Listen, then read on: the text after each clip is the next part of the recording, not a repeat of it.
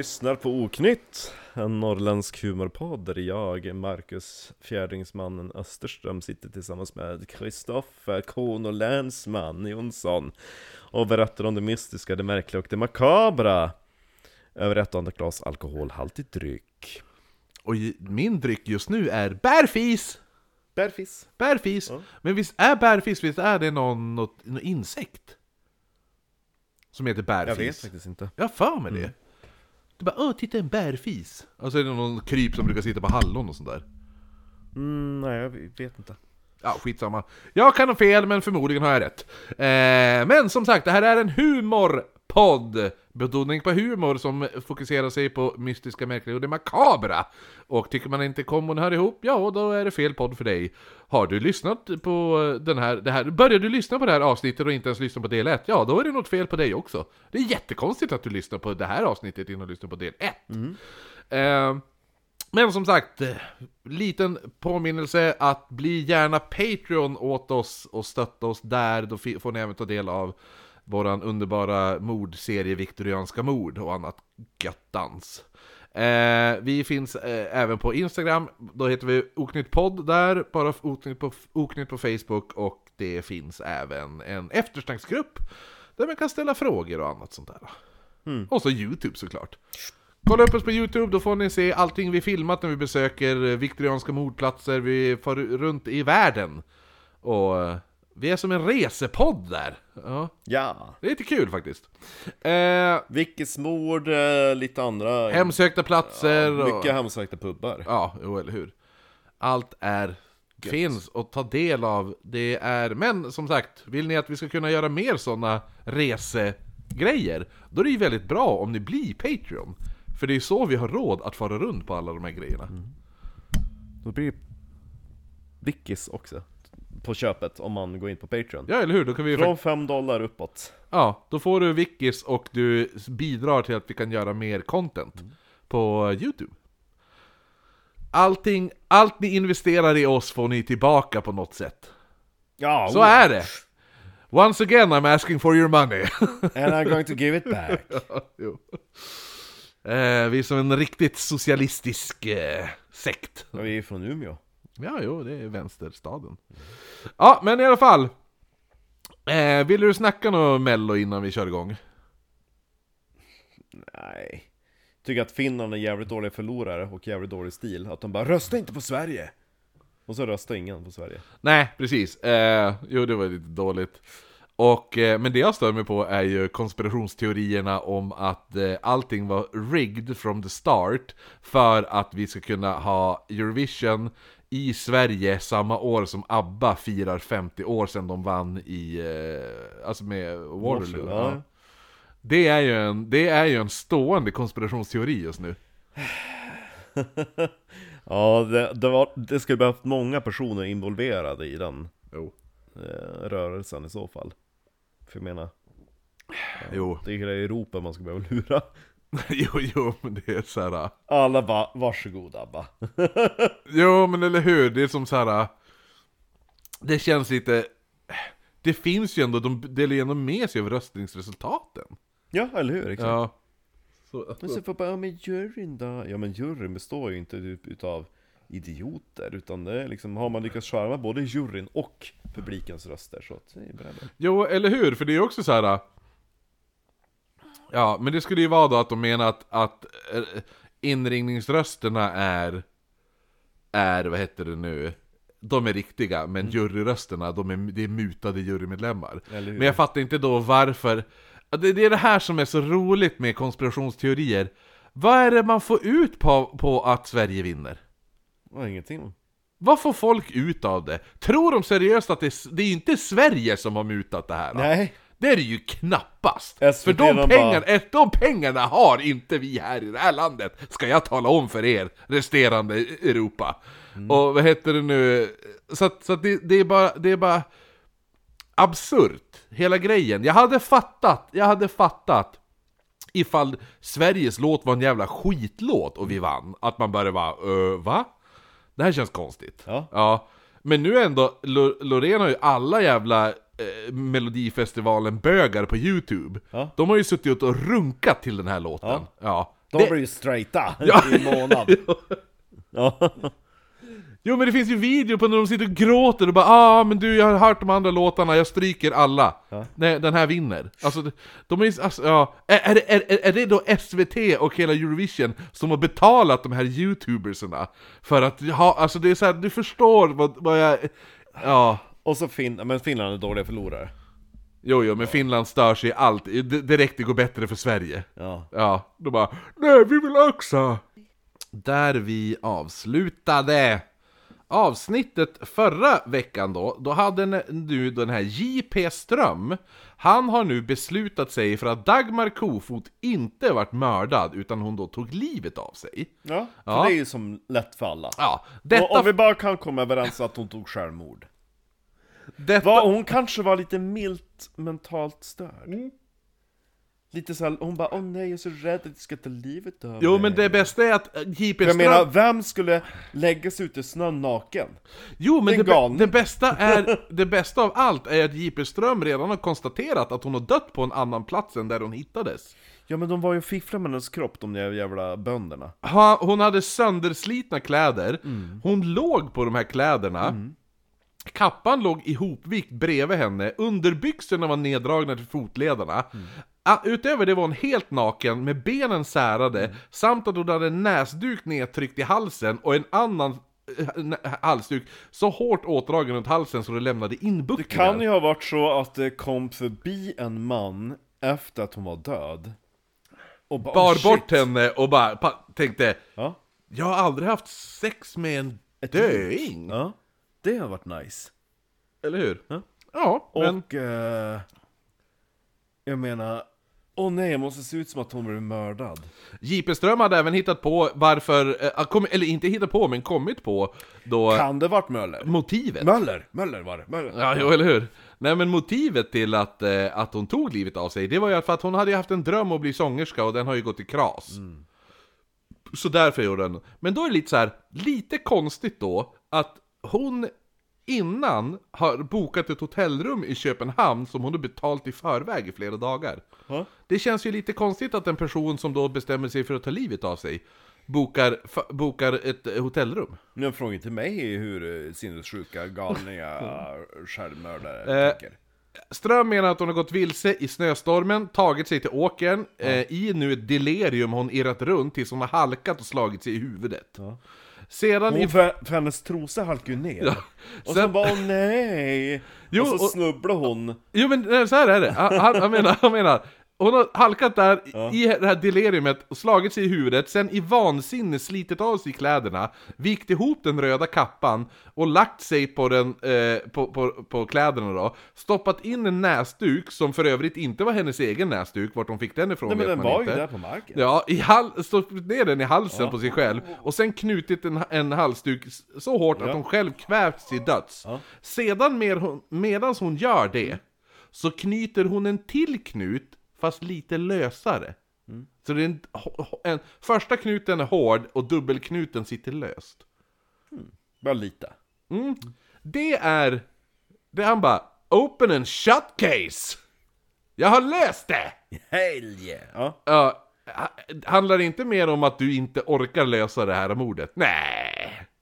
Nej. Nej. Det här, det, här, det här- det här är också så jävla tydligt med det här eh, The Lesser Dead, som vi har pratat om flera gånger. Att eng- engagemanget när det handlar om Fria fåglar. fria fåglar, att man, ork, man bryr sig inte. Nej. Liksom. Eh, det är som så här, på, det finns ju vittnen i, speciellt i USA, eh, att där man skrev på likbägarna, när det var en mördad prostituerad, då skrev man DNI på. Do not investigate. Mm. För, att, för att spara på pol resursen, polisens resurser. För att man var, orkar, och det är väl den här De tanken... har, ju, de har ju försatt sig, sig själv i den här situationen. Ja, eller hur? Och det är så här, man bara, men, ja, men så att deras, vi ska inte, det kan ju gå omkring en seriemördare. Ja, fast, ja. Mm, Deras, deras liv är inte värt lika mycket som en annan. Ja, de, men, går inte, de dödar inte viktiga kvinnor. ja, men det är ju den attityden de hade. Alltså det är ju det. De, de, men de är inte viktiga. De betyder inte så mycket. Ehm, Eh, Dagmar, hon hade, Hade hon lyckats bli sångerska däremot? Ja, då jävlar hade det varit utrett som satan. Eh, Dagmar har setts med en person på väg mot Tågaborg. Eh, en plats som inte... Alltså man, man går inte dit självmant mitt i natten. Nej. Speciellt inte under en snöstorm. Eh, och den här snöstormen har man liknat med eh, stormen Gudrun. Var den så jävla Ja, blåsig? så jävla blåsig. Så att det är ingenting, man går inte till det här Tågaborg-fältet ens, alltså ensam med högklackat. Om man inte är galen. Ja, Vilket hon var, till bevis! Ja, exakt. Uppenbarligen var hon ju galen, hon är ju död! Ja. Ja. Hon Eh. fruktar ju för sitt eget liv. Så fallet Dagmar var enligt Dagmar Kofod var enligt Ström avklarat. Stadsläkare Hallengren, som säger... Ha, ha, stadsläkare menar att hon har blivit mördad. Eh, men, men Ström bestämmer att det är självmord, och sen avslutar han det. Fast stadsläkaren säger hon har inte tagit livet av sig, det är omöjligt. Och Ström bara Nej, uppenbarligen inte. För jag säger så. Ja. Eh, och det hade förmodligen blivit på det här sättet att det var avklarat om man inte gjorde sen en omjustering av polisväsendet och även den anonyma skribenten Alter Ego som skrev följande i tidningarna Citat! Man måste frestas att tro att vederbörande handskats så lättvindigt med möjligen förekommande spår att exempelvis stadsläkaren eller annan läkare icke fått tillfälle att studera liket orubbat på bordplatsen eller ens något fotografi tagits utvisande likets läge när brottet uppdagades. Detta är åtgärder som annars brukar falla av sig själva. Mm.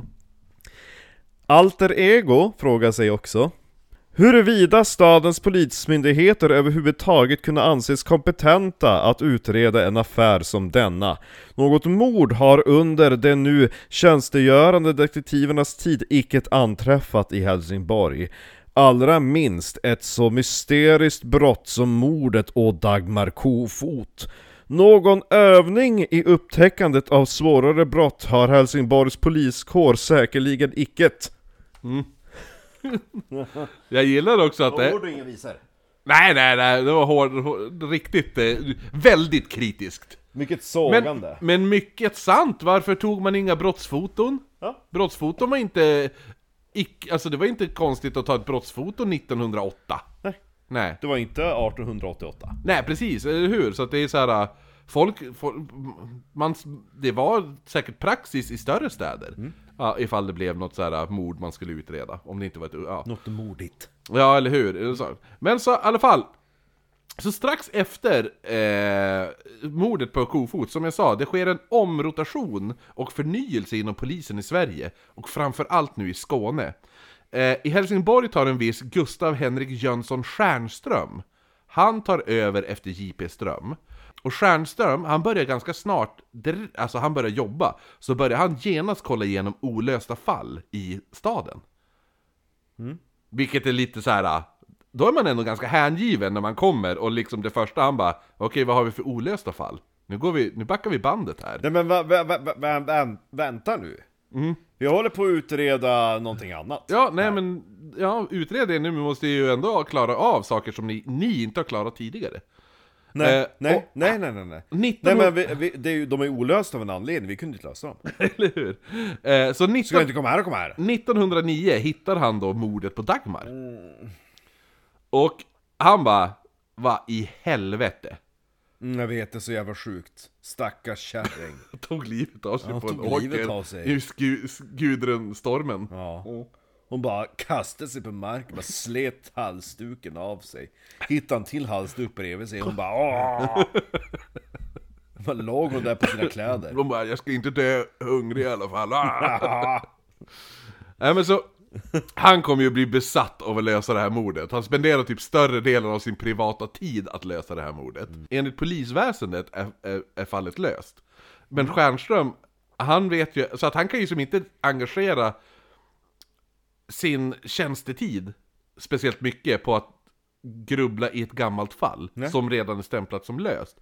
Så han sitter ju på privat tid och liksom, det- han ska komma till botten med det här. För, för det är inte löst på långa vägar. Så han sitter ungefär typ Som såhär, Han sitter. han sitter, nej men han sitter typ såhär som, ibland när jag har fastnat i research, så här, hemma, typ, man sitter hemma, klock, jag glömmer bort vad klockan är, och sitter och bara läser, typ såhär, och skriver ner anteckningar. Det är typ vad han gör, men han gör ju det här för att söka nya bevis då. Eh, han går då igenom vittnesmål, och gör även nya förhör där den här Braille kommer att eh, nämna en namn som heter Carl Thomas Kjär. Kär. Ja, K-J- K-J-A-E-R. Jag vet inte hur man ska uttala det. Kjär. Kjär, ja. Eh, och Stjernström kommer intressera sig för han väldigt Var mycket. han möjligen både kär och galen? det var Lotta Engbergs gamla farfar. Ja. Ja, nej men, och den här Kär, han verkar lite av en stalker som uttryckt att han faktiskt var förälskad i Dagmar. Oj, och Dagmar ska även vid tillfällen ha pekat ut honom och sagt då citat Se där går Kär! Ja. Han kommer, nu är jag helt galen. Galen i dig, i ditt himmelska leende I ditt skrä. Och så står hon hundra meter bort, det kommer, det kommer Cat där, där kommer Kär! ja, nej men så Kär han kommer även erkänna mordet på Dagmar, vilket såhär, såhär alltså Stjernström får nog typ stå kuk när han får reda på det här, liksom. Men däremot så visar det att Kär är typ insane in membrane och erkänner jättemycket mord. Eh, mord som han absolut inte har begått, däribland då Dagmar för... Eh, alltså Hade han alibi, eller? Ja men det var ju så här, han befann sig inte ens i staden ungefär. Nej, va? Så nu sitter man fast i utredningen igen, så nu är ju han, nu är ju Stjernström tillbaka lite där, Less. ja, ja men han har ju kommit till den platsen där Ström gav upp Och ja men då är det självmord Ja, bara för att få bort det Ja precis, men eh, eftersom det ju uppenbarligen inte är det Och Stjernström har ju typ skällt, han, han, han, han har ju påpekat att Alltså de som har skött den här utredningen är ju idioter av rang Nja, nej, det vet jag inte vad jag ska säga. Jag menar, det är ganska uppenbart att det är en man som har ehm, inte varit här. Men Stjernström han har ju något innanför pannbenet i alla fall Va? Ja, för vet du vad han gör då när han kör fast? Jag ber om hjälp. Nej, han backar bandet och börjar kolla igenom liknande gamla fall. Jaha, Mm. finns det flera tjejer som har ätit upp halsdukar? Så han går igenom utredningar som är äldre än mordet på Dagmar. Men medan, Dagge. medan han, han bläddrar bland sina filer då, om Dagmar, så då snubblar han ju över ett liknande brott. Som inte är så långt ifrån Helsingborg, utan nämligen i Hängel, Ängelholm. Mm, så det är lite roligt, har jag varit. Och ätit... Eh, Katt. ja, jo, jo precis. Puss här. Ja. Och... Eh, Hur var poddkatten? Nej, det var i Malmö. Ja, okej. Ja, men sen får jag ju typ två Vad- dagar det var senare. knullturnén. Ja, det var knullturnén. Nej, det jag skulle säga var att jag åt den där jättestarka hamburgaren. Jaha, Ja, det var ju där. var det gott? Ja, men, men... eh, Vad stört. Det var, jo, eller hur? Det var ju då jag började svettas så jävla mycket att det började brinna i, från svetten. Men gud vad sjukt, då är det starkt. Jo, jo, det var helt absurt. Var det starkare än såsen? Ja, men grejen, jo men jag tror den där så, den såsen jag har, den är så koncentrerad. Att, eh, för d- det var ju, hamburgaren jag åt, det var ju som en salsasås som de, som Mm. De har var... gett på. Ja, och den var ju typ lika stark som så här. Scoville... Ja men det var ju två, två miljoner Scoville eller något sånt där. Det var ju så absurda jävla... siffror. Ja, men det var ju typ som att äta en, nästan en rå California Reaper-hetta. Ja.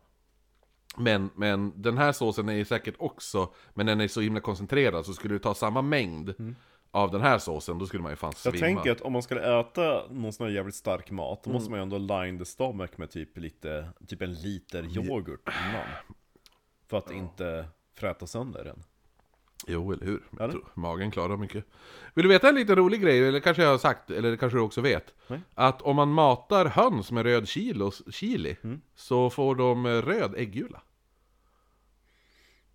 Om man fodrar ut dem Och det är med... coolt. Ja, det är ganska coolt. Och höns kan inte känna, känna smärta, alltså hetta. Det är nice. Ja, Så då kan man nog äta California Reaper Egg. ja, Ah! ja.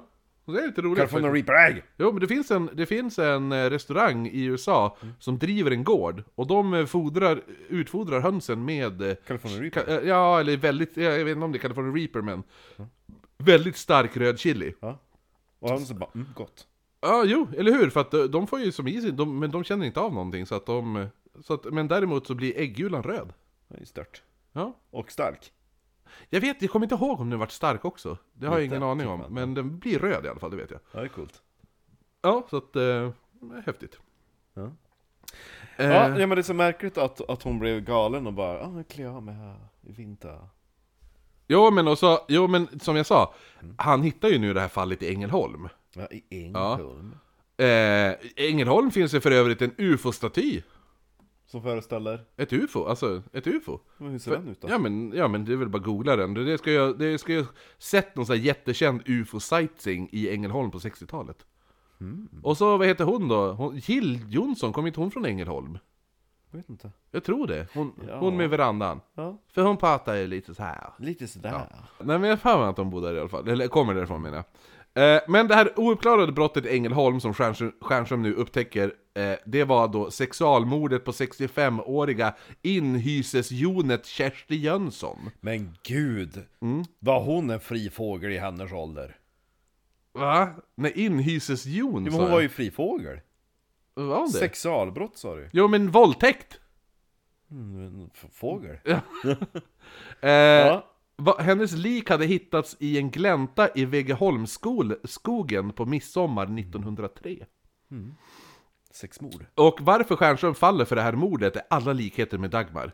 Eh, Kerstis hittas naken med sönderslitna kläder. Hon hade precis som Dagmar ett sår mellan tinningen och ö- höger öga. Eh, en skada som kan ha varit dödande men förmodligen var ett slag som bedövar den och gör den medvetslös. Kersti hittas då som sagt naken med sina kläder sönderslitna, det här är precis som Dagmar, precis med såret också, och det visar sig att Kersti blivit våldtagen, något man tror har hänt Dagmar, men eftersom hon var prostituerad så kan polisen inte yttra sig om saker, för hon kan ju ha haft villigt sex också, det vet man inte. Eh, de säger att hon har haft... Eh, Ja, jo, för, för, de, för de, de sa ju också att hon, hon har ju haft sex med män under kvällen. Så det är ju... Det tyder ju på att hon... de vet att hon har haft sex, men man man vet inte ifall hon blir våldtagen också eller... Så det fanns sagg? Det fanns, det fanns sagg. Eller det fanns då tydliga tecken på, På sagg? på, på att sagg har existerat någonstans.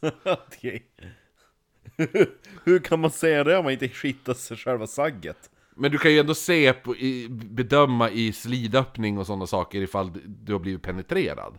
Hon kan ju rida en dildo. Va? Hon kan ju bara kört in en Jo, falukorv jo, men det, också. det, det de är... Jo, fast... Den här Kersti, 65-åringen, hon gick inte ut i Vegeholmsskogen och körde, Körde in en dildo i, körde in en dildo i fittan, det gjorde hon fan Det inte. hon gjorde. Nej, det gjorde Du, hon du känner inte Kerstin? Hon är, Jag känner henne bättre än dig, för jag vet att hon inte heter Kerstin, hon heter Kersti! Det var så du kände hon. Det var hennes stripper name. Ja, hon strippade en bokstav. Kersti. Kerstin. Men det viktigaste av allt, det är att Kersti har, har hittats strypt med en halsduk slash scarf, för precis som Dagmar. Och att det var en hård knut runt halsen och sen en lösare knut ovanpå. Varför, varför knyter han så det jävla puckot? Men var det inte... Vem fan var det som... Ja men var, Peter Sutcliffe gick omkring och knöt rosetter och grejer. Och ställde upp speglar gjorde han väl? Nej, det var, tänk på, tänkte fel. Tänkte på det Buster Ja, jo men det, jo precis, det är Boston Strangler. Det var Boston Strangler som knöt rosetter. Ja. Och ställde upp speglar till fittan. Jo, eller hur? Och eh, pr- placerade och så när man öppnar dörren och bara "Åh!" Tittar man in i sin mormors fitta liksom. Alltså, så här, ja. Skillnaden med Dagmar och Kersti, det var att, att ändarna på halsduken som Kersti stryps med var knuten till en, en albuske. Förstår du? Så att hon hade stryps och så sen hade han knutit ändarna av den här uh, halsduken till varsin sida av en albuske. Som var som fastknuten. Ju märkligt. Ja. Eh, det är Kerstis rumskamrat och väninna, läs, Leb-partner. Ja, Lis, Lissa Paulsson. Ja. Jag har aldrig sett någon som heter Lissa. Ja. Ja. Det är ett Eh, läbbnamn. Hon... Läbbet! Min, Va? vad sa det? Läbbet. Ja, jo, eller, jo, just det, det var det du... Ja, precis. Eh, ja, men Lissa då. Hon var den som först märker att det är något som inte står rätt till. För Kersti hon brukar gå och hämta posten på Vegaholms station. Sen brukar hon hämta mjölk på samma ställe också. Eh, något hon den här dagen då skulle göra. Hon säger efter hon har hämtat posten att hon ska komma tillbaka igen för att hämta mjölk. Varför tar hon inte bara mjölken och posten samtidigt? Det fattar jag inte. Hon kanske inte orkar bära. Nej, hon var 65. Ja, Det var typ som 80 på den tiden. jo eller hur. Och så hon är som sagt inhysesjon. Ja, känns inte som de får mest näring i... De inhyses... Ja, ja, nej. Men i alla fall, så hon kom, lämnar posten, går tillbaka för att hämta mjölken, men hon kommer aldrig tillbaka igen då. Och så sitter, eh, vad heter hon, Liselott? Vad Nej, heter Lissa hette hon. Lissa, Alltså hon sitter L-I-S-S-A. Men vars är eh, Kerstin med kaffemjölken? Och med morgontidning? Ja, eller hur? Hon kunde inte ta Kerstin. tidningen när hon tog posten. Nej. Börja med mjölken Kerstin, då hinner kaffet svalna. ja, frun. Men det känns ju som båda de två var ju lite... Fria fåglar. lite nej, inte fria fåglar, men lite joniga. Joniga. Oj, vad den här luktar fruktigt. way Det luktar ju nästan som en... Så här, öppna en mer. Alltså, du kan hälla upp lite i ditt glas om du vill. Oj, jävlar vad sött det var. Mm. Det var ju nästan som en cider, typ. Typ som några sidor som jag halsar i, i York. Ja, eller hur? Hmm. Ja. Eh, det var alltså, det, det var alltså en Christmas gin. Det var... Den, den var väldigt smakar gott. Eh, det är Brewdog Hazy Jane Guava. Heter den. Guavey. Jag ska smaka också då. Se, innan jag går vidare. Ja jävlar, den här var fan nice! Nej men så sambon Lissa hon tycker det är jävligt konstigt att Kerstin inte kommit hem än. Och hon märker då att posten är ju lämnad men att mjölkkannan saknas. Och antar då att Kersti har gått för att fylla på kannan. Precis som hon brukar göra. Men när hon aldrig kommer hem igen så börjar Lissa ana oro. Så hon vandrar till Vegaholms gård för att fråga runt. Men där är det ingen som har sett Kersti efter att hon har hämtat posten. Så hon har inte varit och hämtat någon mjölk. Och hon sa, hon sa ju att hon skulle komma tillbaka för att, för att äh, fylla på mjölken. Till dem på Vegeholm. Men ja, så Lisa återvänder hem och sitter och väntar. Så hon tänker, ja men hon kanske tog en omväg eller något sånt där. Passa på att ta en promenad, vad som helst. Det är ändå sommar. Hon sitter, du vet såhär kärringstirren, den här. Ja. Eller bara som min gammelfarmor gjorde. Alltså varje gång jag gick förbi min gammelfarmors hus Ja. Då satt hon, och hon bodde ju uppe, alltså det jag men du vet det huset Det är ju uppe på en gammal kulle Eller, Holmsund? Ja, i Holmsund, det där vita huset Ja, fina huset. Ja, och det är ju som uppe på en kulle, lite som så här. Nedanför flygtorn, eller tornet man kan klättra upp i alla Ja, Ombergstornet. Ja. Jo, det, det användes ju för säljakt. Ja. Det tornet. Nej, de spanade efter sälar och så sen gick de ut på isen. Ja. Ja. Jo, de satt inte med en k-pist uppe i tornet. Nu kommer det Sälar. Nu, som att det var här, i tyska nazisterna som invaderade kom en massa sälar i, i svastika-armband. Och det bara, så de bara... Sälmassakern i Holmsund. Och jultomten såg Ja, ja. exakt, från, från vattentornet. Det fungerade som en sån här gammal flygtorn förr i tiden. Så, där tomten styrde allt. Ja, nej men vad heter det nu? Vad heter det nu? Nej men, så om man inte vet hur det, det huset, min gammelfarmors hus såg ut, så ligger det alltså uppe på en kulle. Lite ungefär som i filmen Psycho, eh, där han bor med sin mamma ovanför motellet. Ja, jo, på Ja. en höjd. Ja, uppe på en höjd. Och precis som eh, hans morsa då som sitter i fönstret, satt ju min gammel, varje gång man fick in, då satt hon ju bara och stirrade ut genom fönstret hela tiden. Men hon var ju så här en tant som var på bra humör, Ja. så man vinkade alltid till henne, hon vinkade tillbaka och var som nöjd. Men det var som hennes hobby, hon satt där och tittade ut genom fönstret i köket. Ja. Ja. På alla som gick förbi. Så här, 94 bast liksom. Tänk om man kunde vara så gammal och så nöjd. Ja, jo, hon var nöjd med tillvaron. Eh, 22 juni, dagen efter Kersti försvunnit då, så hittar man hennes lik, alltså på midsommardagen, i en glänta i skogen. Polisen tillkallas genast hit och utredaren Hellertz skriver följande om Kerstis... Självmord! Nej, nej, han skriver följande om Kerstis lik, så du kan ju läsa sida 111 finns det ett stycke där. Jag tror det finns bilder där på... På Kerstin? Nej men på gläntan i skogen och allt det där. Där Kerstin var? Mm, där de hittade Det henne. var ju bara en väg. jo, jo, jo. Det, det var en glänta i en skog, det är inte så mycket mer att höra för. Nej, det är kanske foton som är tagen i efterhand också. Ja. Så att, eh, ja. Utsträckt om marken iklädd sina kläder med huvudduken hårt tillknuten med dubbla knutar omkring halsen varefter dukens snibbar lika hårt knutits omkring en mindre albuske och huvudet som var blodigt syntes liksom märken efter slag över högra ögat samt ett par smärre hudsår och högra armen men för övrigt kunde inga tecken till yttre våld förmärkas. Mm. Och såren, som, hon har ju stå sår på armarna. Som var emo? Ja, antingen det, eller så var det försvarssår. Jaha! Ja! Det kan det också vara. Eh, vilket det förmodligen var. Ja. Ganska, jag skulle gissa att 1903, och man var 65 år, så var man inte inne i någon emo-fas där man sliceade armarna för att få uppmärksamhet. Nej. Och så här gick man och ströp sig själv i en. Så, Emo-perioden 1903. så, så här, en massa 65-åriga emo-tanter. Jo! Så, de hade snedlugg och plattat hår. Så här, så här, så här, vet du nu? Hon bara gick och Så här, typ bara, tvättbjörnssotade ögon. ja. Ja. Du kan ju ta mjölken också Kerstin.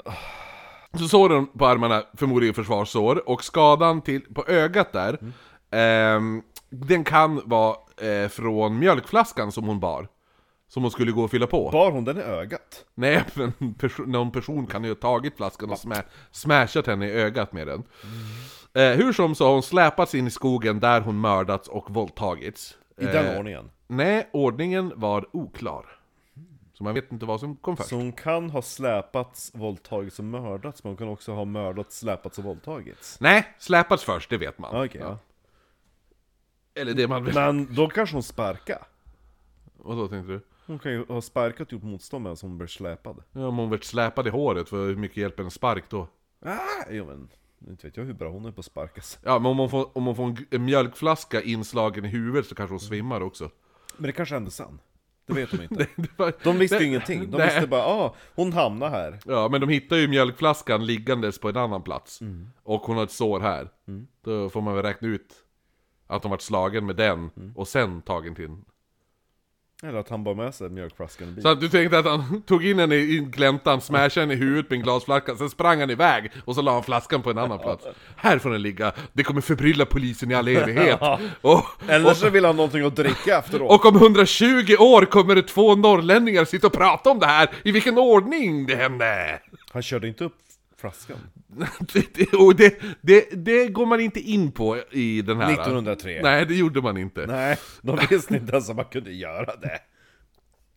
Genom förhör får polisen veta att en berusad ung man, cirka 30 år, i mörkblå kavajkostym och mustasch Hade haft sex. Han hade kommit gående längs samma väg som Kersti gått, bara Jaha. 15 minuter efter henne. Va? Samt att han svingat sin gåstav sl- slash käpp framför sig.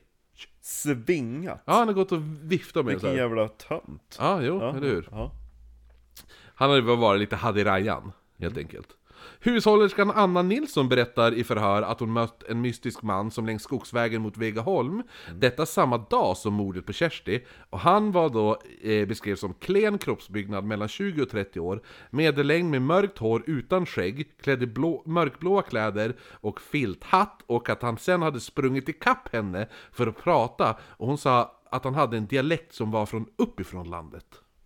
Uppifrån. Jo, men uppifrån landet när man är i Ängelholm är resten av Sverige. Ja. Ja, så vad uppifrån landet är, det är ju lite oklart. Typ 80% av hela landet.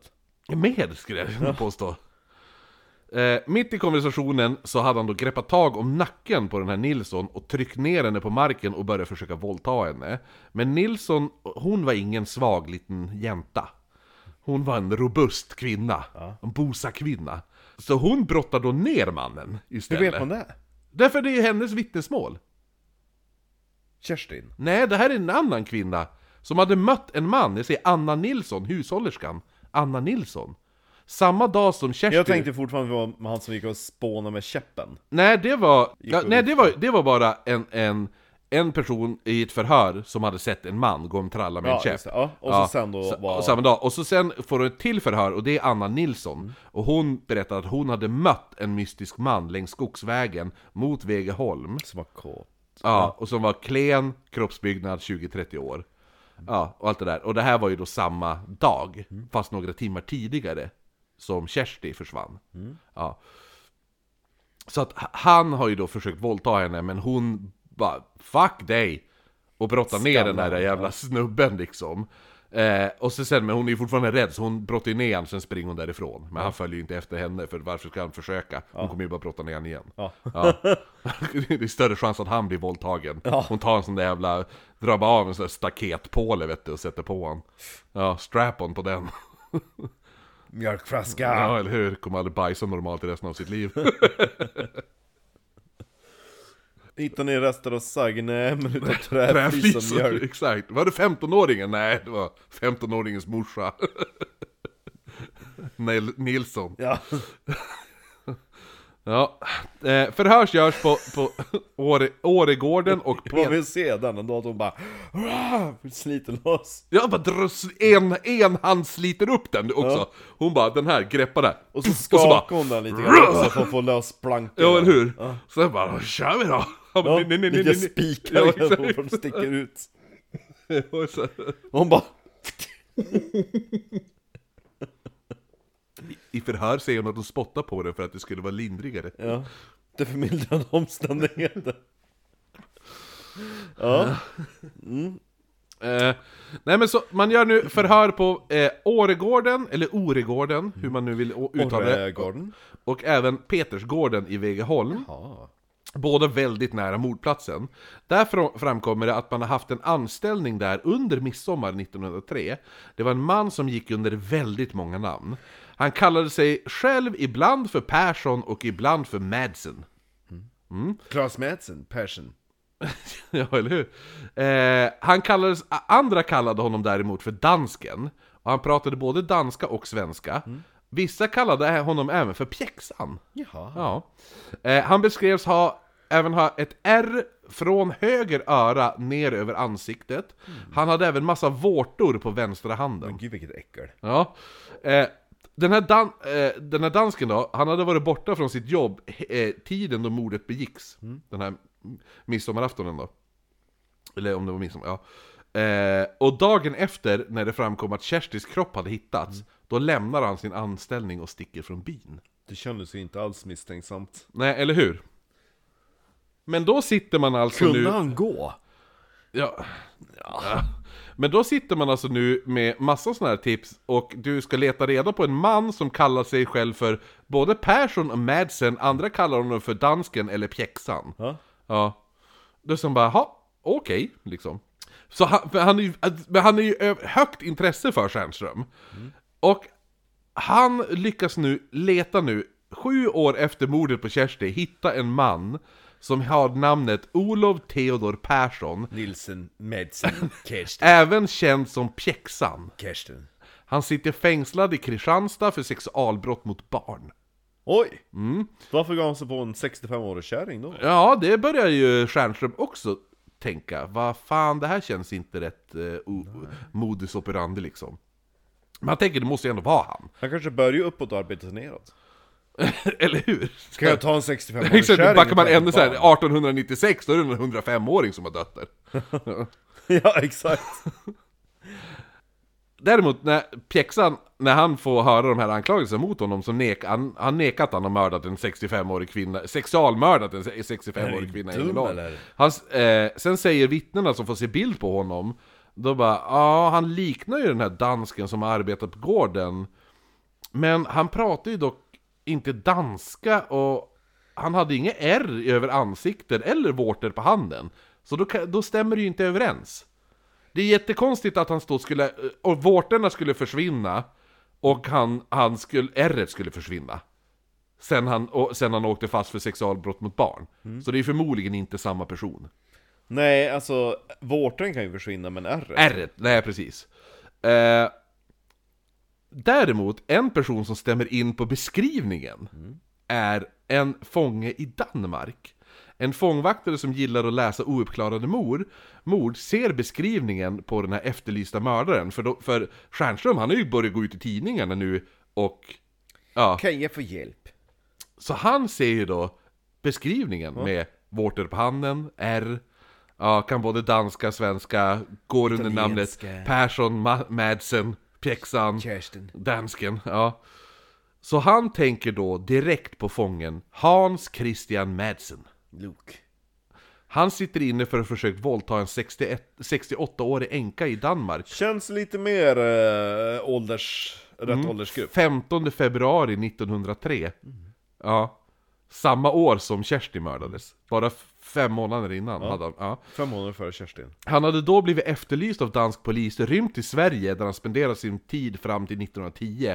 Återvände sen till Danmark där han grips och fängslas. Ja. Mm.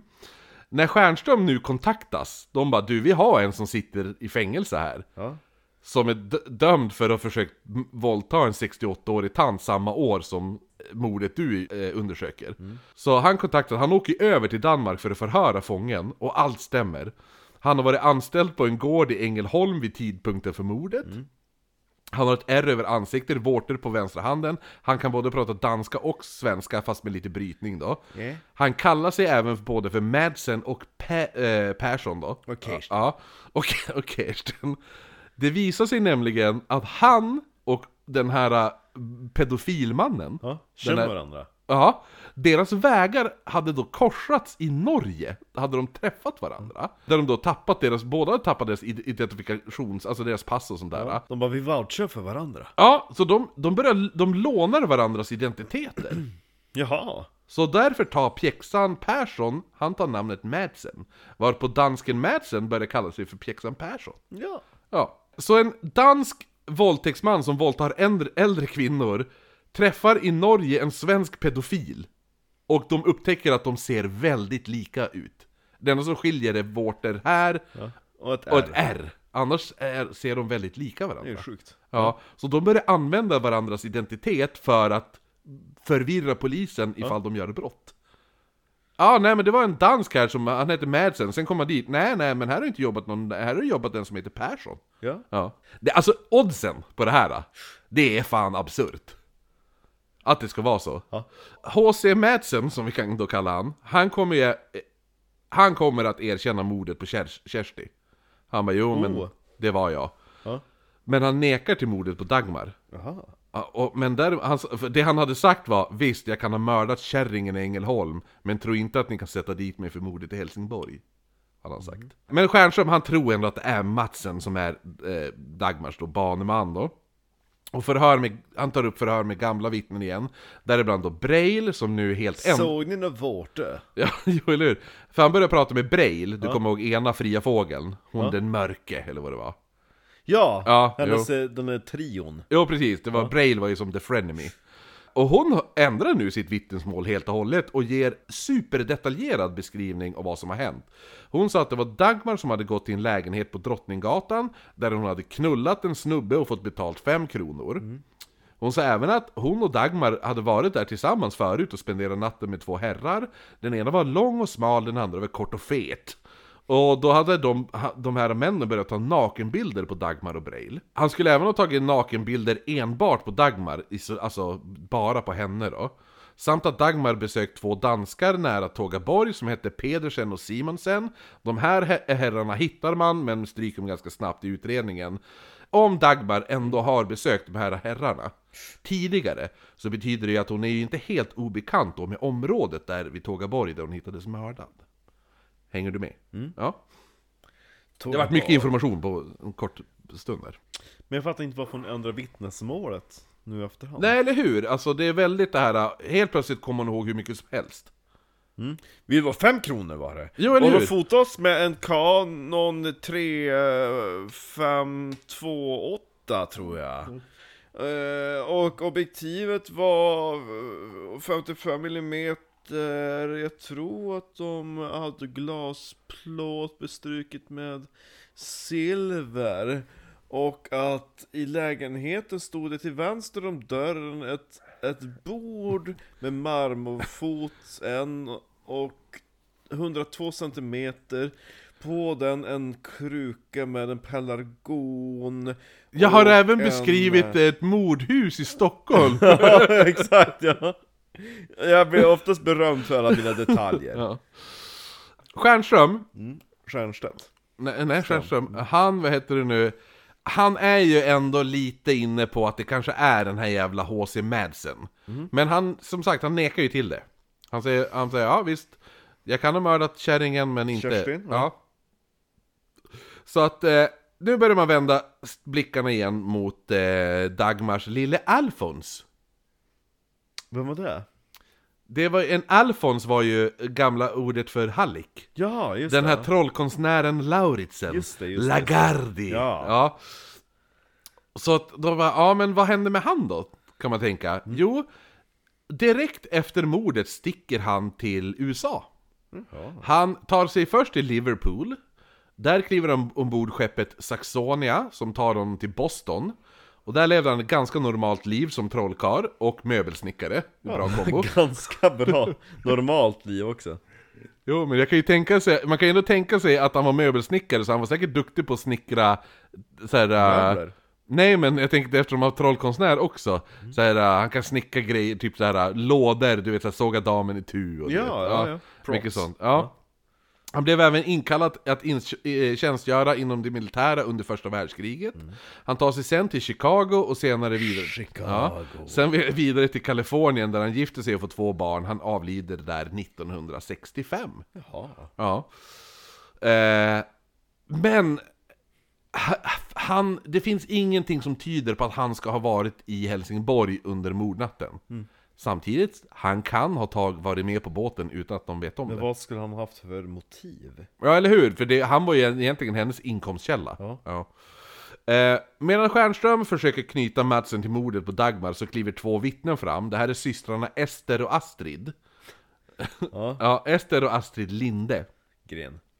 De, de hade förhörts, men vittnesmålet hade lagts eh, underst i högen. Oh. Ja. De berättar att den 7 februari hade de varit på födelsedags... Kalas! Ja, hos Gertura Karlsson. Gertura! Inte Gertrud, nej Gertura! Ja, Gertura Karlsson, d- de hade lämnat kalaset två på natten tillsammans med Gertura och hennes bror, och några till då. Eh, de hade då i närheten av Tågaborg mött en kvinna klädd i eh, bredbreddad ba, bahytt. Bahytt! Ja, bahytt är det så man... Ja. Ja. ja, Sen en... Det är Johnny Bonnet. Ja, eller hur? Precis. Ja, exakt. Men jag har aldrig hört talas om bahytt. En bahytt, ja. Ja. Även känd som damnakatt. Även känd som en Johnny Bonnet! Ja. Ja. Eh, en, en sån med halsband då. Hon hade även blå eh, som regnkrage uppdragen. Vilket man typ reagerade på för att nu hade det som slutat snöa. Så varför går man omkring med typ kapuschongen uppdragen ungefär? Så en av männen i sällskapet säger då Titta! Där går svarta Augusta! Ja. Ja, och sen fortsätter de längs vägen tills de kommer till hemmet i, hos en i sällskapet. Eh, Gundborg, som där går in hos sig själv och sällskapet, det är, då, det är en i sällskapet då. Det, är en, det är inte, vad heter den, Gertuda eller vad fan hon hette. Gertura. Ja, utan det här är det är en till i det här sällskapet, hon heter Gundborg. Gunborg. Nej, va? G-U-N, B-O-R-G. Ja, Gunborg. Gunborg, ja. Ja, Mm. Heter min gamla lärare. de Gunborg. Ja, Gunborg. Ja. Ovanligt namn ändå. Nej men hon går in hos sig och det här sällskapet, de börjar då gå tillbaka igen. Och då ser de då två män som står och viskar till varandra. Och när de får se sällskapet springer de därifrån. En av de här männen hade då när han sprang därifrån, då hade han sprungit förbi om, som i mötande. Och då hade han då stirrat på Astrid Linde och sagt något som gjorde henne jätterädd. Och de två systrarna hade då efter detta sk- skyndat sig hem i sällskap av en man som heter Axel. När de kommer fram så ser de hur den här mannen som stirrat på Astrid, han har nu börjat förfölja dem. Ja. Och sen när systrarna går in i huset så hade mannen gått mot den här svarta Augusta.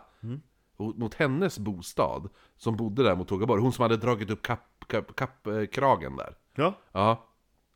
Eh, och så att de tycker att, däremot det här, han sa något som gjorde mig rädd, vad sa han då? Det vet man inte. Det sa hon aldrig. Nej.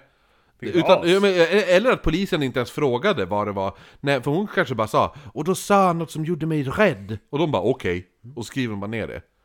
Men vad det var han sa, det vet man ju som inte. Men i alla fall. Så de här två männen beskrivs vara i 30-årsåldern, under medellängd, ena, mörk, eh, eh, ena i mörk rock, ljusa byxor och en sån här vegamössa. Den andra hade ljus mustasch klädd i mörka kläder utan överrock med svart slokhatt. Då börjar ju folk tänka att, ja men kan de här två, eftersom de verkar känna den här svarta Augusta som bor där uppe mot den här platsen, den mordplatsen, och just att de, de har stått och viskat och allt sånt där, kan de ha någonting är det de som är mördarna då? Är det två personer som har mördat? Så att han börjar, nu blir det ju samma sak som det hände med den här J.P. Ström. Han börjar få in en massa jävla tips på saker som han inte riktigt kan knyta an. Utan det är bara folk som kommer in och bara 'Jag har sett skumma figurer' Och så de bara, han bara 'Jaha, såg du mo- mordoffret?' 'Nej' Men jag Men såg en, skumt. jag såg en man! Och han sa något som gjorde att jag var rädd. Ja. Ja. Och så gick han in till Svarta Augusta. Vad, vad sa han som gjorde att du vart rädd? Han sa Bu! Eller något sånt. Något sånt. Ja. Eh, ja, han är säkert mördaren tänker jag. ja. Fortsättningsvis då. Dagarna efter det här, de här jävla mupparna som hade varit ute och sett de här två männen. Ja, och sagt "Äh." Dagarna efter eh, hade flera inom prostitutionsvärlden, a.k.a. fria fåglar, och även alfonser, alltså hallikar. För någon anledning hade de kommit hem till Svarta Augusta och varit där. Sen hade Svarta Augusta och de här två männen hade börjat terrorisera de här systrarna. Där de bara står och skriker okvädningsord åt Oe, dem. oe. Ja. Bland annat hade de skrikit Se! Där kommer den jävla linda töserna som sa att jag var ute kvällen Kofod mördades. Ja. Ja. Och Svarta Augusta, hon var ju en kvinna vad man var lite rädd för. Var riktigt... Var det så? Ja, jo, jo, jo. Eh, och hon var en av de här härdade prostituerade i stan. Riktigt gamhora, liksom. Eh, och så de menade att hon säkert ogillade att den här snygga danska Dagmar kommer in på hennes territorium och tar männen. För hon bara 'Nej, de ska knulla mig!' Men då när de ser en snygg ung dansk, då går de ju hellre till, till Dagmar. Ja. Och att det skulle då, att Dagmar kommer inkräkta på hennes territorium och att det skulle då vara motivet att det var hon som beordrade de här två männen att mörda Dagmar. Det var teorin Ester och Astrid hade, som de gav till polisen. Och liten inblick på andra prostituerade i Helsingborg, förutom Svarta Augusta, så hittade man även nu de här underbara namnen. Röda Rosen var en prostituerad. Sen Emma K. Ja, ja, ja. Plåt-Johanna. Inte Plåt-Niklas. Nej, plå, nej, till och med Plåta-Johanna fanns. K- Kåta-Johanna. Ja, Varianten. ja. och eh, Skita-Lotta var en. Åh, hon tog den pruttan! Hon vill man inte ligga med. Vad sa du att hon hette igen? Skita-Lotta. Skita, inte Bajamaja. Nej, Skita-Lotta. Skita-Lotta var en till prostituerad.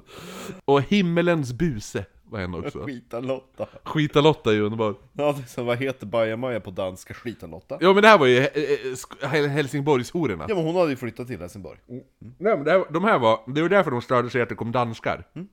Men hon var ju själv dansk. Nej inte Skita-Lotta var inte Jo, dans. ja, Nej, ja. det, det, hörs ju på namnet.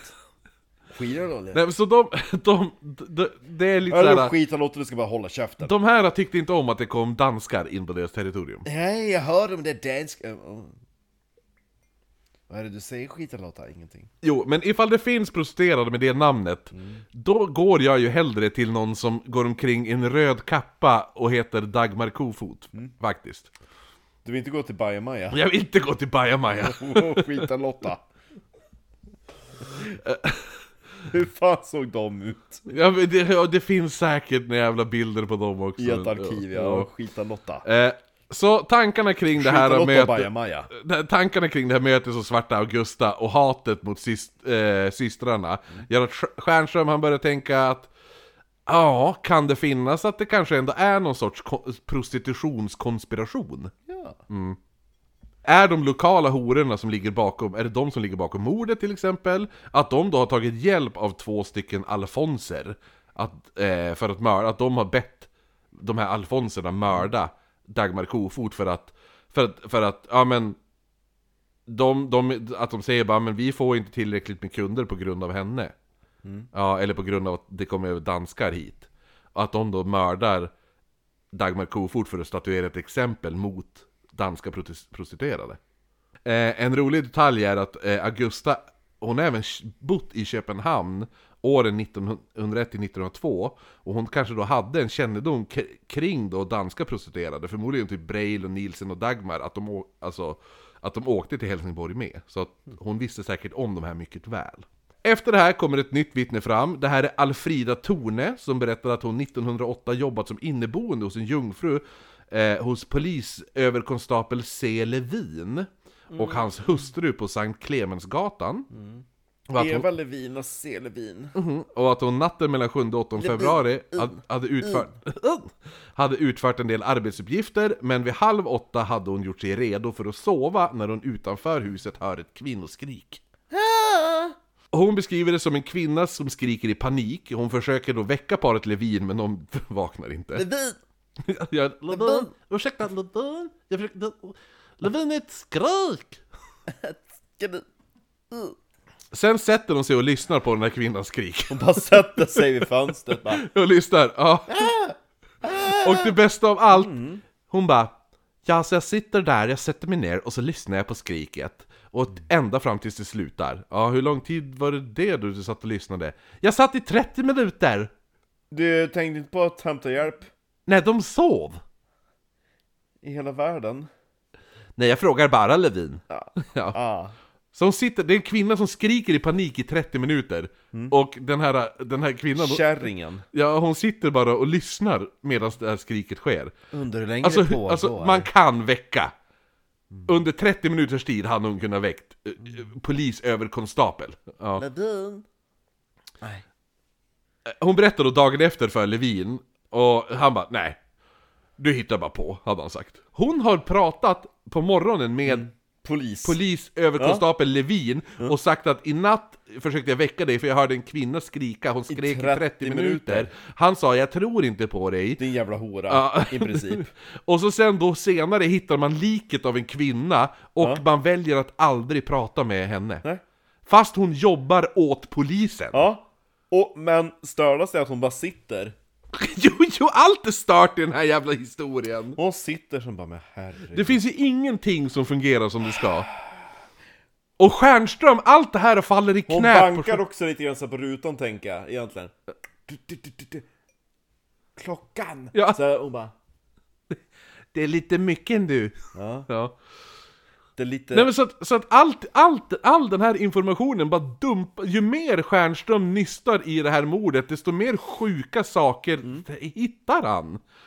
Eh, så att han lyckas nu i alla fall, hur som helst, knyta Matsen till Helsingborg åren 1907 till 1908, där han då jobbade som dräng och, eh, och eh, körsvän. Det är ju då även känt som kusk, brukar ju vi säga. Och han jobbade då på Södergård på Rausvägen tillsammans med massa andra danskar. Aus! Mm. Ägaren var anställde enbart danskar för någon jävla anledning. Han var väl själv dansk. Ja, och kanske det. Dock en schweizisk 50-årig man vid namn Fritz Schweier. Jag är en god människa. Jag heter Fritz. Eh, och den här Schwer, var det typ uttalar man det nog. Han kommer bli viktig för utredningen då han, husbonden Jörgensen och Madsen någon gång efter nyår 1908, kanske i februari sa man, skickas till Helsingborg en stormig dag och inte kommer hem igen förrän tre på natten. Det känns ju väldigt troligt att det kan vara denna stormiga dag som Dagmar försvann. Kan det vara det? Ja, kan det vara, för det var inte så mycket annat med tanke på att stormdagen när Dagmar mördades liknades med stormen Gudrun. Ja. Ja. Så att, och det, om man kommer ihåg, en, då de skickades iväg en storm idag kunde inte ta sig hem förrän tre på natten. Eh, och när de kom hem, då var de dyngpackade och stått och sjungit. Och Sve, den här tysken, han säger att anledningen till att de kom hem så sent var att de hade åkt över till Danmark för att köpa tobak. Eller hur? Ja, jo. De, de hade faktiskt varit i Danmark, Okej, köpt ja. tobak. Eh, de, det visade sig att alla tre var jävligt intresserade av en viss kvinna som hette Augusta. Också. Coolt. Eh, och att det visar sig att den här Jörgensson, gårdsägaren där, han hade varit oerhört våldsam mot pigor på gården. Som, eh, eh, alltså pigor som vägrade ligga med honom. Ta kuken då! Mm. Ja. Så jag skulle nog gissa att den här gårdsägaren nog våldtagit flera kvinnor. Eh, han ska även tydligen bruka eh, låsa in sin fru i hemmet när han åker till grannen. Låsa. Ja, det, är också så här. Ja, jag ska fara till grannen. Jaha, jag, tänkte gå och handla. Nej. Nej, jag låser dörren. Du kommer inte ut ur huset. Nej, nej. Då får du... Okej. Nej, okej. Hejdå! Ja, lite som eh, kommandorskan i Emil Lönneberga. Ja. Haspar dörren liksom sticker. Mm. Så, att, så att han låser i alla fall in sin fru när han far till, till hans granne då, som heter Nilsen.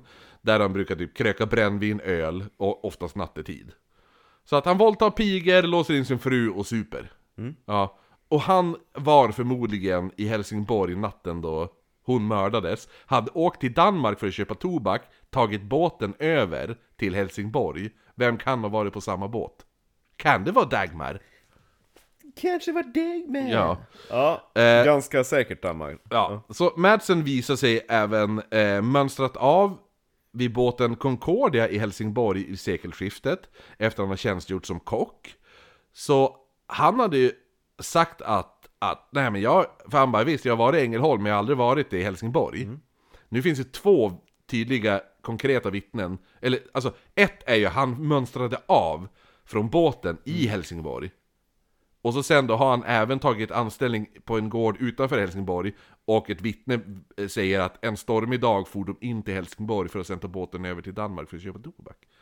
Så att han har faktiskt verkligen varit i Helsingborg. Så att hans, eh, hans eh, påstående faller ju ganska hårt.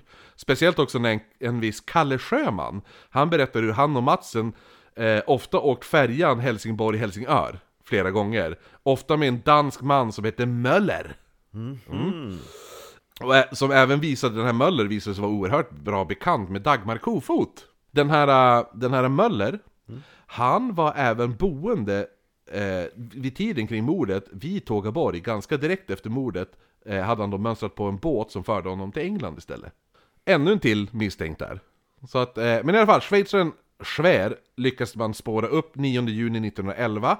Då bor han på Själland och han berättar att de hade tagit sig till Helsingborg med häst och jigg som de parkerat vid 19-tiden, sen hoppat på båten till Helsingör, kört en krogrunda fram till 11 på kvällen, tagit båten tillbaka till Helsingborg där de träffat en man från Främlingsarmén som försökte frälsa dem, men det gick inte så bra. den här mannen kommer man senare att, att hitta också och vittna, till, eh, vittna i framtida rättegång. Eh, de satte sig sen vid ett ölcafé där Madsen drar en halv ölbutelj, sen går han till en hotellbar där det blir mer öl innan Madsen säger att han ska hämta hästen och jiggen. Det här borde ta cirka 15 minuter. Men Madsen kommer tillbaka efter 75 minuter. Och han kan inte förklara, när de frågar varför det tagit så lång tid så vill han inte svara på det. Ah, det var på toan. Mm. Om det här då var, för Sch- Schwer kan inte säga om det var alltså mordnatten. Men om det var det, eh, så är det ju, är det ju väldigt, väldigt eh, kon- alltså, suspekt. Att han då ska göra en grej som tar, 70, eh, som tar 15 minuter och kommer tillbaka efter 75 och vägrar på att säga varför det tog så lång tid. Eh, han kommer även komma, komma i, i dyngiga kläder som om han hade typ rullat runt på marken. Men han säger han bara, nej men jag, jag vandrade och ramlade ner i en grop i marken. Det är därför jag har så leriga kläder. Och de bara, Varför mm, var du ute och vandra? nej men jag skulle hämta hästen och jiggen. Men då vandrar man ju inte, då går man ju till stallet. Ja men jag ramlade på vägen. I en timme, i, i, timme. i ett ja. jo det var en jättelång backe. Ja, bara rulla. Konstant, ungefär som när, när eh, pappa ehm, Rudolf åker pulka. Ja, jo eller hur? Exakt. Hela, hela jorden runt. Eh, vid tidpunkten för mordet hade Madsen också varit eh, klädd i eh, mörkblå ytterrock och haft en rundkullig hatt. Han ska även, Runkbullig hatt. ja, även ägt flera vita näsdukar med initialerna HM. Ja. Han ska även, innan han, han lämnade gården han arbetade på, tagit in på hotell i Helsingborg innan han åker vidare till Norge, där han tar med sig en koffert eh, som han tror att alla hans näsdukar fanns i. Oj! Ja. Men han har inte råd att lösa ut den här äh, kofferten. Och sticker då istället till Östersund. För någon anledning. Ja, det var ju jävligt märkligt. Ja. Det är inte liksom nästgårds. Nej, precis. Så Madsen menar... Han, han bara, nej men inget av det här stämmer när han blir för, alltså, konfronterad om det här. Nej. Han bara, på den här resan gick vi på massa krog, och han bara, visst jag kanske har varit i Helsingborg på mordnatten, men det är ju ingenting ni kan bevisa. Sant. Den här kofferten i Norge som man inte lyckades lösa ut, mm, den lyckades man spåra och den skickas då till polisen i Helsingborg, och där hittar man... I, Efter alla dessa år. ja, jo de har kvar den i Norge, på någon tågstations typ, ställe. Stört. Ja. Så att man hittar den och man skickar den till polisen, öppnar den, det, i där hittar man jättemycket näsdukar. Eh, en vit med röd och blå bård, märkt Hans, samt tre vita nä näsdukar med röd text H&M eh, En av näsdukarna var täckt med blod, men det är ju ingenting som alltså, kan användas som bevis. Polisen bara, "Ah, ja men då börjar de ju tänka, för ena den här näsduken som hittades på Dagmar vid mordet, det var ju inte hennes. Nej. Och han hade ju någon jävla förkärlek till näsdukar. Och varför tar han alla sina näsdukar i en koffert och sticker till Norge? efter märkligt. mordet. Ja. Ja, men i alla fall, till slut säger han, han bara att eh, han, han, han har träffat Dagmar. Det erkänner han. Men han säger att det var före jul han träffade henne. Däremot så säger han också att, att eh, om de kan bevisa att han har mördat henne, så har han säkert mördat henne, säger han. Men gud vad stört. Ja, och de bara, "Ja, men hur, hur ska du ha det? Har du mördat henne eller inte? Bevisar ni att jag har mördat henne så har jag mördat henne. Om ni inte kan bevisa det så har jag säkert inte mördat henne. Ja, men du vet att du har träffat henne? Ja, jag har träffat henne. Men det var ju innan jul. Ja, fast du mönstrade av en båt på nyårsafton? Ja, där ser man. Vilket as. Mm. Mitt i allt så passar Matsen på nu att ta tillbaka erkännandet på Kersti. Den här tanten. Han bara, Ja. du förresten, jag kan ha mördat eh, Dagmar. Dagmar, men jag kom på att jag har nog inte mördat Kersti. De bara, "Ah, men för helvete Madsen. Nu får du lägga av. Ja, men han passar då istället på att erkänna två andra brott. Båda samma dag i Härnösand 1906. Eh, det här är två våldtäkter på minderåriga flickor. Han har även nu erkänt ett mord i Vangsta på Det ska jag kolla Härnö. upp. Va? Våldtäkt i Härnösand 1906. Eh, ja, precis. Härnösand 1906. Ja. Eh, men och, även ett mord i Vangsta på Härnön. Mm, det är i Härnösand. Ja, det är längs hö hö- Höga Kusten ju där. Ja. Ja, Härnö. Jo, det är, ett- jo, det är ett stenkast mellan de här. Jo men Härnö och Härnösand, det är, liksom, det är typ samma plats. Jo, jo jag ser det. Ett stenkast. Mm, det Ja. är typ en stadsdel snarare. Ja. Han, han kommer även, jo, då kan du kolla upp det här, för han kommer ställas inför rätta för det här. Så han kommer ju då, han kommer, vad heter det nu, skickas över till Sverige 1912, där han ställdes inför rätta för de här morden. Våldtäkterna på minderåriga flickorna var 1906, och mordet var då i Vangsta. Och allt, allt det här togs i rättegång 1912. Ja. Madsen vallas först på brottsplatsen, för, alltså, nu, alltså för, inte för de här, men utanför mo- mordet på Dagmar. Ja, så att, det, ja, det är lite häftigt att man körde vallning så pass tidigt ändå. Ja, jo. Eh, så han vallas på brottsplatsen för Dagmar, det här ger ju ingenting. Nej. Han verkar typ helt brydd, obrydd om platsen, han går typ och visslar ungefär. Men han kommer att ställas inför rätta. För mordet då, eftersom de tycker att det finns så my- mycket tydliga bevis på att det är faktiskt du. Du har ju faktiskt ljugit om att du inte har varit ens i Helsingborg. Och det visar sig att du har varit på, i Helsingborg förmodligen på mordnatten. Ja, man, att, får, man kan ju inte typ åka dit för att man har ljugit. Nej, nej. På men, den tiden kan man det. ja, jo, jo, men precis. Men också det här... För då du, anser man att du, du, du ändrar din historia så pass mycket, du gör det för att dölja någonting, då har du döljt att, du har- att du har begått det här brottet. Ja. Nej men också just det här, du försvinner sp- på- en, en grej som ska ta 15 minuter så är du borta i 75 minuter och du kommer tillbaka med dyngiga kläder. Ja, och säger att, och vägrar svara på varför det tog så lång tid och säger att du har ramlat ner i ett hål i marken. Mm. Man ligger inte torr i marken i 60 minuter. Nej, eller hur? Eh, ett vittne under rättegången då är mannen från Frälsningsarmén på färjan mellan Helsingör och Helsingborg, han som ville frälsa dem. Han minns att han sett både Madsen och Kofot på båten. Däremot så daterar han kvällen till nyårsafton. Jaha. Ja. Och inte då den här 7 februari. Schwer, han ställs också eh, inför ett, eller han ställs inför ett, han tas också in på förhör som vittne då. Han berättar samma sak, men han är 100% säker på att det var på mordnatten. Alltså, eller ja, dag, dagen innan mordnatten, alltså, ja du fattar vad jag menar. 7 februari. Eh, Madsen har pressats på olika sätt i rätten, bland annat tar man in Dagmars röda kappa, håller upp den framför honom, han sitter helt, Titta då. ja, han är helt obrydd. Och förhörsledaren säger även hade ni icke ett mycket starkt begär efter att komma tillsammans med kvinnor då ni blev drucken? Och svarar han Nej, inte alltid. Hade ni icke ett egendomligt begär att döda de kvinnor med vilka ni kommit i beröring? Och då svarade han Det var därför att det icke gåvo efter. Ja.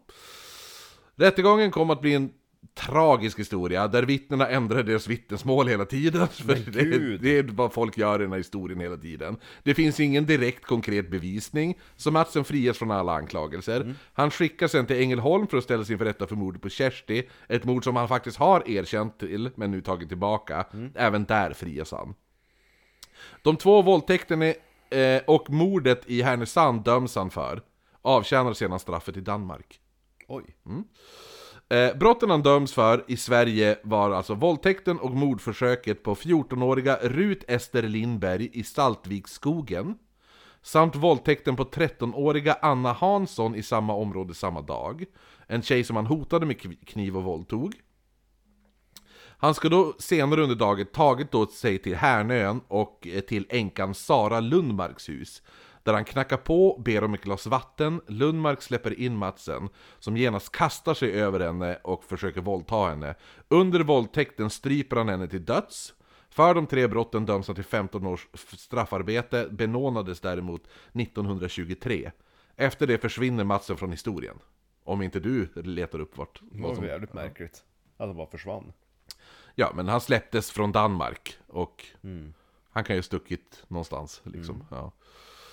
Eh, men däremot, 1959 visade det sig att det funnits ett vittne som, man aldrig, som aldrig hade fått höras.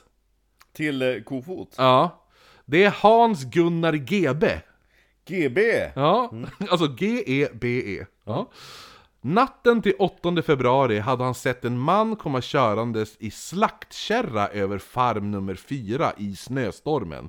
Kusken är uppenbart uppjagad, han styr alltså häst och vagn, och GB ser att det ligger något i vagnen som ser ut att vara inpaketerad i En presenning. en presenning som sticker upp från vagnen. GB hade velat vittna om det här, men hade blivit förbjuden av sin far. Vilket as. Vittnesmålet skulle kunna styrka teorin om att Dagmar mördades inom husen, fraktas bort till en ödslig plats till exempel.